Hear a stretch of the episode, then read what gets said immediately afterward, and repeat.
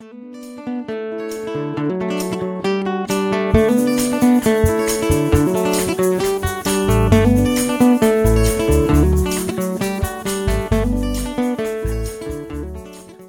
när det börjar bli vår, då rullar ju allt fler husbilar på vägarna. Och då kan det vara bra att känna till vilket försäkringsskydd husbilen behöver. Många konsumenter hör av sig till Konsumenternas försäkringsbyrå och undrar vad de ska tänka på när de ska försäkra sina rullande fritidshus. Och det här tänkte vi prata om här idag i Försäkringspodden. Jag heter Jenny Sparring och programleder den här podden och med mig har jag alltid några kunniga kollegor eller andra experter inom försäkringsområdet. I studion idag har jag sällskap av Helene Bernefalk, jurist och motorförsäkringsexpert på byrån. Välkommen tillbaka Helene! Tack så mycket, kul att vara här. Ja, du var ju här för en tid sedan och berättade lite om värdering av bilar, men idag ska vi prata om husbilar. Mm. Och innan vi går in på det här med husbil så kanske vi ska börja bara lite snabbt förklara vilka olika typer av försäkringar som man faktiskt måste ha på sin vanliga bil eller som man kan ha på sin vanliga bil. Eh, och det kanske gör att man då sen förstår skillnaden på vad som gäller för just eh, husbilar. Ja, alltså det är ju så att en vanlig bilförsäkring och även en husbil då, den är ju uppdelad så att grunden är en trafikförsäkring och den måste alla bilar ha. Sen så kan man ju välja om man dessutom vill ha ett extra skydd genom halv och helförsäkring. Men varför måste alla bilar ha en trafikförsäkring och vad innebär den egentligen? Det är ju styrt av lag egentligen, det här att man måste ha en trafikförsäkring. Och den gäller ju i stort sett för allt, kan man säga. Eller i alla lägen, kan man mer säga. Och den är ju framtagen för att det är egentligen en farlig verksamhet att köra bil. Så att alla skador som du orsakar på personer med bilen när den är i trafik, de ersätts genom trafikförsäkringen. Så om det är en cyklist eller gångtrafikant eller den som sitter och kör bilen som skadas i en trafikolycka, så får man ersättning från trafikförsäkringen för sina skador. Och när det gäller sakskador, då är det ju bara andras saker som ersätts genom trafikförsäkringen. Så att det är ju staket och andra bilar som skadas till exempel. Men din egen bil får du inte någon ersättning för mm. genom trafikförsäkringen. Då. Nej.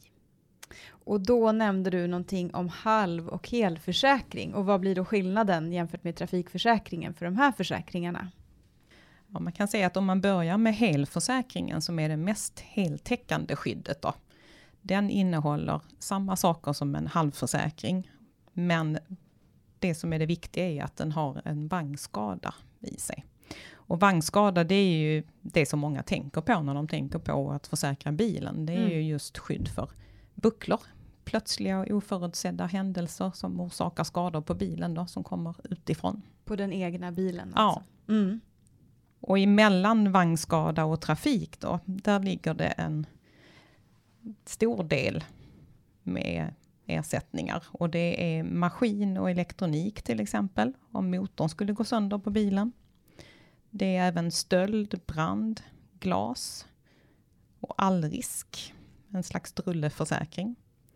Men även räddning, det som man också kallar för bärgning då ofta. Och rättsskydd.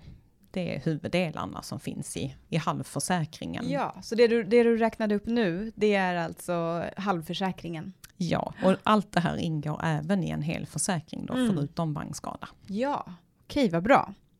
Men kan du berätta lite mer om det här med räddningsskyddet, vad det innebär och också det här med assistansförsäkringar som man brukar prata om. Vad, vad kan man få för ersättning från dem och behöver man teckna sådana försäkringar? Ja, alltså det man har i sin vanliga halv eller helförsäkring som många kanske missar ofta, det är ju att om bilen går sönder så att den behöver bärgas, så finns det ju som en del i halv och helförsäkringen. Mm. Man får alltså bärgning till närmaste verkstad. Och om den behöver stå där ett tag och lagas om man är på resa, då får man ju även hemtransport av de som har åkt i bilen. Ja. Så det kan vara bra att känna till. Mm. Och ett annat skydd där det är ju också att om den som har kört bilen bryter benet i skidbacken när man mm. är på skidresa, då kan man ju också passagerarna då få hemtransport. Ah, om, alltså inte med bilen då, utan nej. på något annat sätt? Mm. Om det inte finns någon i sällskapet som kan köra den här bilen hem, om man inte kan lösa det så, så kan man få hemresa med billigaste färdmedel är det ju alltid när man får resa. Ja, Okej, så det här ingår alltså i halvförsäkring, men varför ska man då teckna på en assistansförsäkring? Assistansförsäkringen är ju ett litet tillägg kan man säga och det finns ofta tecknat till den vanliga försäkringen men det finns också som ett extra skydd. Och det är ju erbjudande om det, det får man ju ofta i brevlådan med en massa uppräknat som den ersätter. Men eh, en stor del av det som räknas upp, det ingår ju i det ordinarie försäkringsskyddet för halv och helförsäkring. Det den har, det är att den ersätter ju självrisken för bärgningen. Mm, Okej. Mm. Och sen kan den även ge hyrbil i tre dagar brukar det vara i samband med en sån här skada. Ja. Och det den också har det är att den har ett lite mer omfattande skydd för att om du får eh, stopp på bilen på grund av att bensin eller diesel eh, har tagit slut eller att elbilsbatteriet har laddats ur. Då kan du få hjälp med Mm. att fylla på drivmedel då eller åka till närmaste ställe för att ladda. Ja, ja, så den hjälper till lite där om man har klantat till det och missat att tanka. Och Ja. man vet att det, det är långt till nästa Ja. tankstation. Och det är ju en del som då inte ingår i den vanliga Bärgnings... bärgningen. Okej, mm. ja men då förstår jag. Behöver man teckna en assistansförsäkring om man redan har en halv eller helförsäkring? Alltså den ger ju då som sagt ett lite större skydd. Men eh, det som är nödvändigt och liksom det man verkligen behöver, Mm. den här akuta hjälpen, den har man ju i sin vanliga bilförsäkring. Mm. Okej, så det här är lite som en lite extra skydd om man inte Ja. vill få några oförutsedda utgifter. Ja, Mm. Men är det något speciellt om man ska tänka på när man tecknar en assistansförsäkring? Man brukar ju få sådana erbjudanden hem i brevlådan. Det vet ju vi att det är många konsumenter som har fått. mm. Det man ska tänka på det är ju att i vissa fall så är den personlig, så att den följer inte bilen utan den som har tecknat försäkringen. Så att om Mm. man är flera i ett hushåll som kör med familjens bil så är det bara den som har tecknat försäkringen som kan använda den. Mm. Så är det hos vissa bolag då. Och det här känner ju inte alla till som har tecknat dem. Nej, Nej, och blir, blir besvikna när det visar sig att eh, en i hushållet, eller hur, har kört Ja. och, och inte får någon ersättning. Det är också så att man behöver ha minst halvförsäkring för att den ska gälla. Om Mm. bilen bara är trafikförsäkrad så gäller den inte. Nej, och det här är också något som många konsumenter missar. Ja. Eller hur? Ja, är man, tecknar en, man har en trafikförsäkring och så lägger man på en assistansförsäkring och tänker att nu har jag ett bra skydd, men det har man inte. Nej. Och det Ja. är ju också viktigt att tänka på att även här är ju försäkringen ettårig så att Mm. man måste ju säga upp den. Man kan inte bara sluta betala för då förnyas den automatiskt. Mm.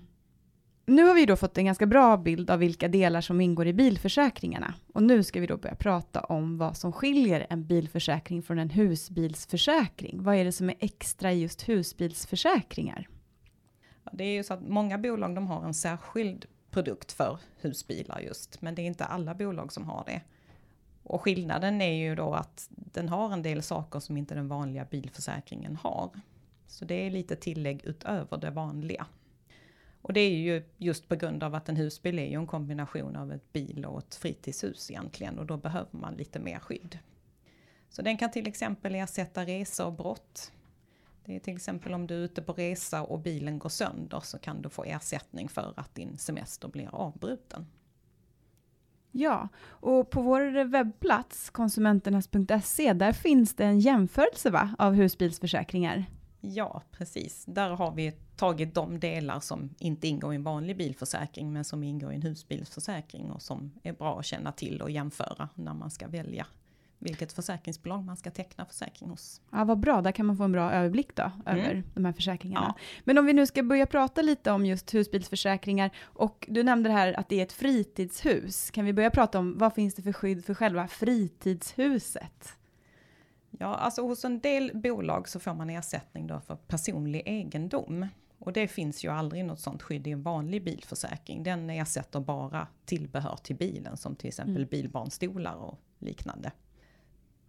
Och det här skyddet för personlig egendom det är ju begränsat. Så det är ju inte hur mycket pengar som helst men det varierar en del. Mellan 20 och 80 000 ligger det ofta. Oj, så det var är en himla skillnad. Ja, det är ju lite skillnad och det är ju bra att känna till när Mm. man ska teckna försäkring så att man inte enbart stirrar sig blind på premien utan även tittar på vilket skydd som finns.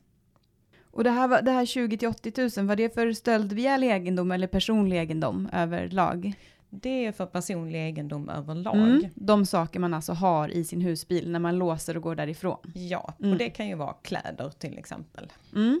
Och, och hur är det med stöldbegärlig egendom? För det ersätts ju aldrig i en bilförsäkring om man lämnar det där, väl? Nej. Nej. och det ersätts ju inte heller genom borta skyddet i hemförsäkringen Mm. om du lämnar till exempel en laptop i, i husbilen. Nej, men hur gäller husbilsförsäkringen då? Ja, där kan det ingå ett visst skydd för även sådana saker som datorer och liknande som är stöldbegärliga. Men då ska den ju vara låst och man får inte lämna bilen mer än ett dygn med de här sakerna i. Ah, ja, mm. Men då, då kan man få ersättning och där varierar det lite mellan 5 och 50 000. Bra att känna till att även där finns himla skillnader Mm. alltså. Och det här framgår av jämförelsen. Ja, och det är ju så en grund för det här det är att du måste ju befinna dig på resa. Så att det är ju inte ett skydd för om du liksom tänker bosätta dig i husbilen. Då behöver du ha en hemförsäkring. Ja, ja, det är ju väldigt bra att känna till. För det är ju en del som faktiskt bor i sin husbil som väljer att göra det. Ja, Ja, men vad är då definitionen av en resa? Jag förstår att man får alltså inte bo där permanent, men vad, finns det någon annan definition på vad det skulle kunna vara? ja, alltså det är att du är utanför hemorten och du är borta så att du övernattar i husbilen. Mm. Så om du använder den som en vanlig bil och åker och handlar till exempel på köpcentra. Då är det ju inte att du är ute på resa. Nej. Ja, men då förstår jag det som att om man har en husbilsförsäkring, då ska man kolla upp vilket belopp försäkringen ersätter för mina saker, så att, man inte har för dyr, för att, så att jag inte har för dyrbara saker i husbilen. Ja, för att det ofta ingår det ju en ersättning för lös egendom då, tillhörigheter som kläder och datorer och liknande som man har med sig. Men det är ju begränsat mellan 20 och 80 000 när det ersätts. Och sen är det ju också en sak som vi har tagit med i vår jämförelse om du har saker i förtältet Mm. grill och liknande. Det kan ju vara värt en del det också. Där är det några få som ersätter om något blir stulet ur förtältet om du har lämnat husbilen i max ett dygn. Mm. Medan de allra flesta inte lämnar någon ersättning för det. Så det kan ju vara bra att känna till också när man ska välja försäkring. Absolut, ja det var ju väldigt bra. Visst är det så att man kan teckna en allriskförsäkring till husbilen, alltså en drulleförsäkring när man klantar till det? Ja, hos vissa bolag så ingår det här i halv och helförsäkringen. Men det är inte helt säkert att det ingår alltid, så att det är bra att kolla. Och det det gäller för, det är ju till exempel om du skulle råka skada inredningen i husbilen. Om Mm. du spiller ut någonting eller- och behöver byta till exempel golvet eller en eh, soffa. Okej, men då är det ju bra att man eh, kollar med sitt bolag om man har den här allriskförsäkringen innan man sätter sig och, och börjar drälla med mat, med mat i husbilen. Ja, det är ju, det är ju som sagt ett fritidshus så att man, man bor ju i det då Ja. också. Men då kanske man är lite extra försiktig Ja. om man inte har den här allriskförsäkringen. Ja, det är ju bra att kolla i vår jämförelse om det ingår eller inte när man väljer. Det är alltid bra att göra det. Vad, vad, du nämnde det här med reseavbrott. Vad är det för man kan få för ersättning för det? Eh, är det till exempel, kan man få ersättning om man skulle vara utomlands med sin husbil och den skulle gå sönder? Ja, det är ju, reseavbrottet är ju en kontantersättning hos de flesta bolag då. Och just ersättning för hemresa då, som du säger om man är utomlands och bilen går sönder på resan. Då ingår ju det i bärgningsdelen, precis som för en vanlig bil. Men om du skulle vara liksom i Sydeuropa, så det är långt hem, då försöker man ju att reparera bilen så fort som möjligt. Och så får du vänta på att den ska bli klar och åka hem sen då. Men är du i Sverige och det inte är så långt hem, då kan du ju få en hemtransport medan bilen repareras. Och det beror på vad som har hänt och var det har inträffat någonstans. Så det är ju lite från fall till fall vilka omständigheter det är då. Och ersättningen som man kan få då, den här kontanta, den varierar mellan 3 till 500 kronor per dag. Och brukar gälla i mellan 21 till 45 dagar. Så det är ju ändå Ah, ja. viss skillnad, det är ju Mm. 3 till 6 veckor ungefär. Och de pengarna kan man ju använda till egentligen vad man vill då, till Mm. exempel hyra en annan bil. Och något bolag då, de har, ersätter 80% av hyran för en husbil. Ja, ja. Det kan ju vara ganska ja. bra. Ja. Men det, det är väldigt ovanligt. Och det kan ju också vara så att man kan få ersättning för att hyra en vanlig personbil. Mm. Men det allra vanligaste är att man får den här kontantsumman bara. Du nämnde att det, att det var särskilda regler för maskinförsäkring också. Kan Ja. du berätta om det? Det är ju så att den är ju lite mer omfattande i en eh, husbilsförsäkring. Där ingår ju förutom liksom motorn och eh, elektroniken i själva bildelen. Ja, som ingår i en vanlig bilförsäkring då är det ju om, om motorn skulle gå Ja, sönder. ja. Mm. Det ingår även hushållsmaskiner ofta. Jaha.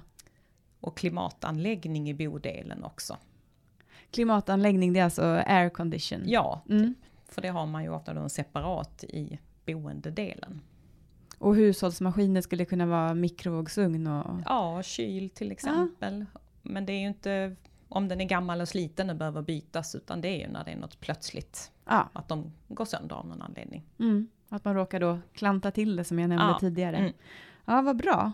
Är det något speciellt man ska tänka på om man ska byta försäkringsbolag då? Om man, eh, om man nu går in på vår jämförelse och ser att åh, eh, det här verkar ju mycket bättre, jag vill byta omedelbart. Vad gör man då? Ja, det är ju många som hör av sig till oss som eh, har tänkt sig att man kan byta så här bums. Men eh, det kan man ju oftast inte. Normalt sett så är försäkringar ettåriga. Och man kan bara byta en gång om året vid årsförfallodagen. Då. Så att även om du får ett erbjudande som är jätteförmånligt från ett annat bolag så måste du vänta till den här dagen kommer då. Ja, och det är ju verkligen många som hör av sig, även på bilförsäkringar, att man blir eh, besviken när det kan vara Ja. lång tid framöver så Ja. man måste hålla till godo med den här gamla försäkringen som Ja. man inte är så nöjd med. Men, Men- det här eh, brukar, det har ju börjat luckras upp lite så att det finns några bolag som har 30 dagars uppsägningstid. Så att Mm. man ett sånt bolag då kan man byta fortare. Ja. Men hur gäller försäkringen då om man skulle ställa av? Man kanske tänker så här, aha, jag får inte byta, men då ställer jag av bilen och sen byt och, och ser till att byta eftersom försäkringsbehovet upphör. För vad är det som gäller kring det? Ja, alltså när det gäller husbilsförsäkringar just så kan det ibland vara så att det är en årsförsäkring. Och det innebär att även om du ställer av den så fortsätter du att betala för även trafikförsäkringsdelen. Mm, lika, lika höga premier året Ja, runt? för då är premien liksom beräknad utifrån att du bara kommer att köra med den under säsong. Och Ah. Så är det ju ofta på en del sådana här säsongsfordon som MC, moped och eh, husbilar till exempel. Ja. Men vanliga bilförsäkringar, där, eh, där brukar man kunna ställa av, men man får inte byta bara för att man ställer av. Nej, det får du ju inte, men det som eh, händer då det är ju att du åtminstone får tillbaka premien för trafikförsäkringen. Ah, okej. Övriga delar av försäkringsskyddet som stöld till exempel, det behöver du även om du inte kör med, med bilen. Då. Många hyr ut sin husbil. Det är så perfekt litet fritidshus som många olika kan bo i. Eh, är det något speciellt man ska tänka på då, när man hyr ut det? Ja, alltså det som är viktigt att tänka på är att normalt sett så gäller inte den vanliga försäkringen om du hyr ut husbilen eller lånar ut den mot någon betalning. Oj. Om du lånar ut det till exempel till en kompis och får en mindre ersättning så gäller ju inte försäkringen. Trafikförsäkringen den gäller i alla lägen Mm. men inte skyddet för själva husbilen då till Mm. exempel. Så att då bör man kolla med sitt försäkringsbolag, man bör teckna en särskild uthyrningsförsäkring i så fall. Och det är ju alltid bra att kontakta försäkringsbolaget i sådana specialsituationer för att kolla så att man inte gör något dumt. Liksom. Ja. ja, det är ju alltid bra att göra det när det gäller alla försäkringar Mm. egentligen. Men det finns ju särskilda företag där man kan hyra ut sin husbil. Då brukar det väl ingå någon försäkring? Hur funkar det? Ja, just de här förmedlingstjänsterna då, de brukar ju ha ett särskilt försäkringsskydd som gäller under uthyrningen. Och det är ju viktigt tycker jag att se till att teckna ett sånt så Mm. att man är säker på att bilen är skyddad ut, under den här uthyrningsperioden. Ja, verkligen jätteviktigt. Men är det något särskilt man ska titta efter i en sån försäkring då om man vill jämföra olika tjänster? Ja, det som är viktigt att kolla på det är ju vad som gäller, alltså om den som har hyrt den orsakar en skada på Mm. den. Trafikförsäkringen den gäller ju vid skador på andra då. Men skador på själva bilen, eller själva husbilen, där är det ju viktigt att titta lite noggrannare på vad man får för försäkringsskydd. Ja, när den som hyr bilen alltså själv råkar ta sönder något Ja. i husbilen. Vilket Ja. säkert inte är helt ovanligt. Nej. Men om jag lånar ut det till en kompis utan att få, att få någon ersättning alls. eh, Då, vad gäller då då? Alltså om man lånar ut tillfälligt, då brukar det vara okej. Mm. Det kan ju vara så att man lånar ut sin bil till exempel till grannen över dagen för att de ska använda den och de har ingen bil själva. Mm. Och då brukar det inte vara några problem om det bara är en tillfälligt. Men om man är osäker så Mm. ska man alltid kolla med försäkringsbolaget. Ja, precis. Det kanske är så att man lånar ut till kompisen över en helg. De drar iväg. Då kanske det ändå är bra att hålla koll på att, att det faktiskt att det, skydd, att det finns ett skydd. Ja, och det som är bra att tänka på också det är att eh, hos många försäkringsbolag, eller några i alla fall, så kan det bli så att det blir en extra självrisk om det är en förare som inte tillhör samma hushåll. Ja, det där ska man se upp med har jag förstått.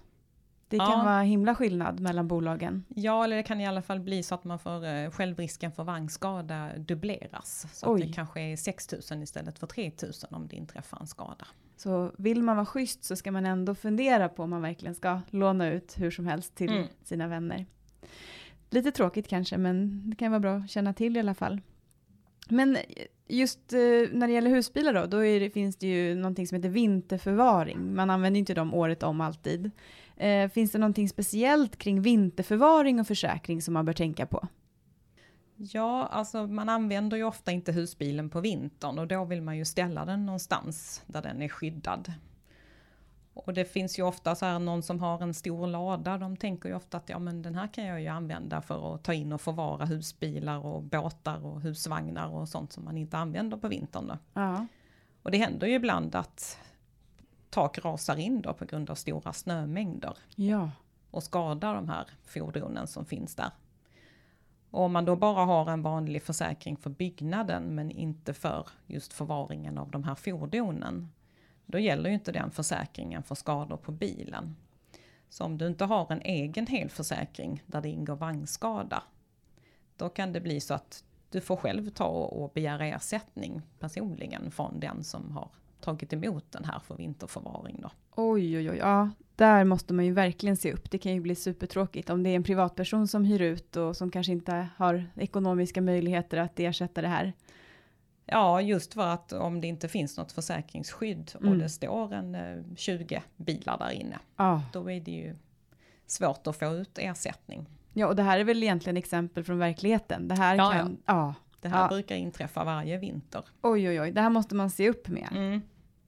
Så var noga med att ha en egen eh, helförsäkring då, även om den är avställd. Men är det något mer nu då man ska tänka på kring husbilsförsäkringar? Har vi pratat om allt egentligen?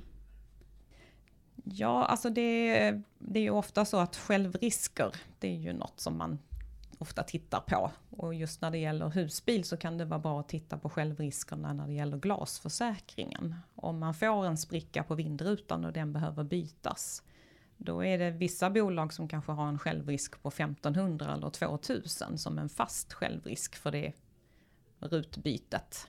Men eh, det finns också exempel där man får betala 35% av kostnaden för hela bytet.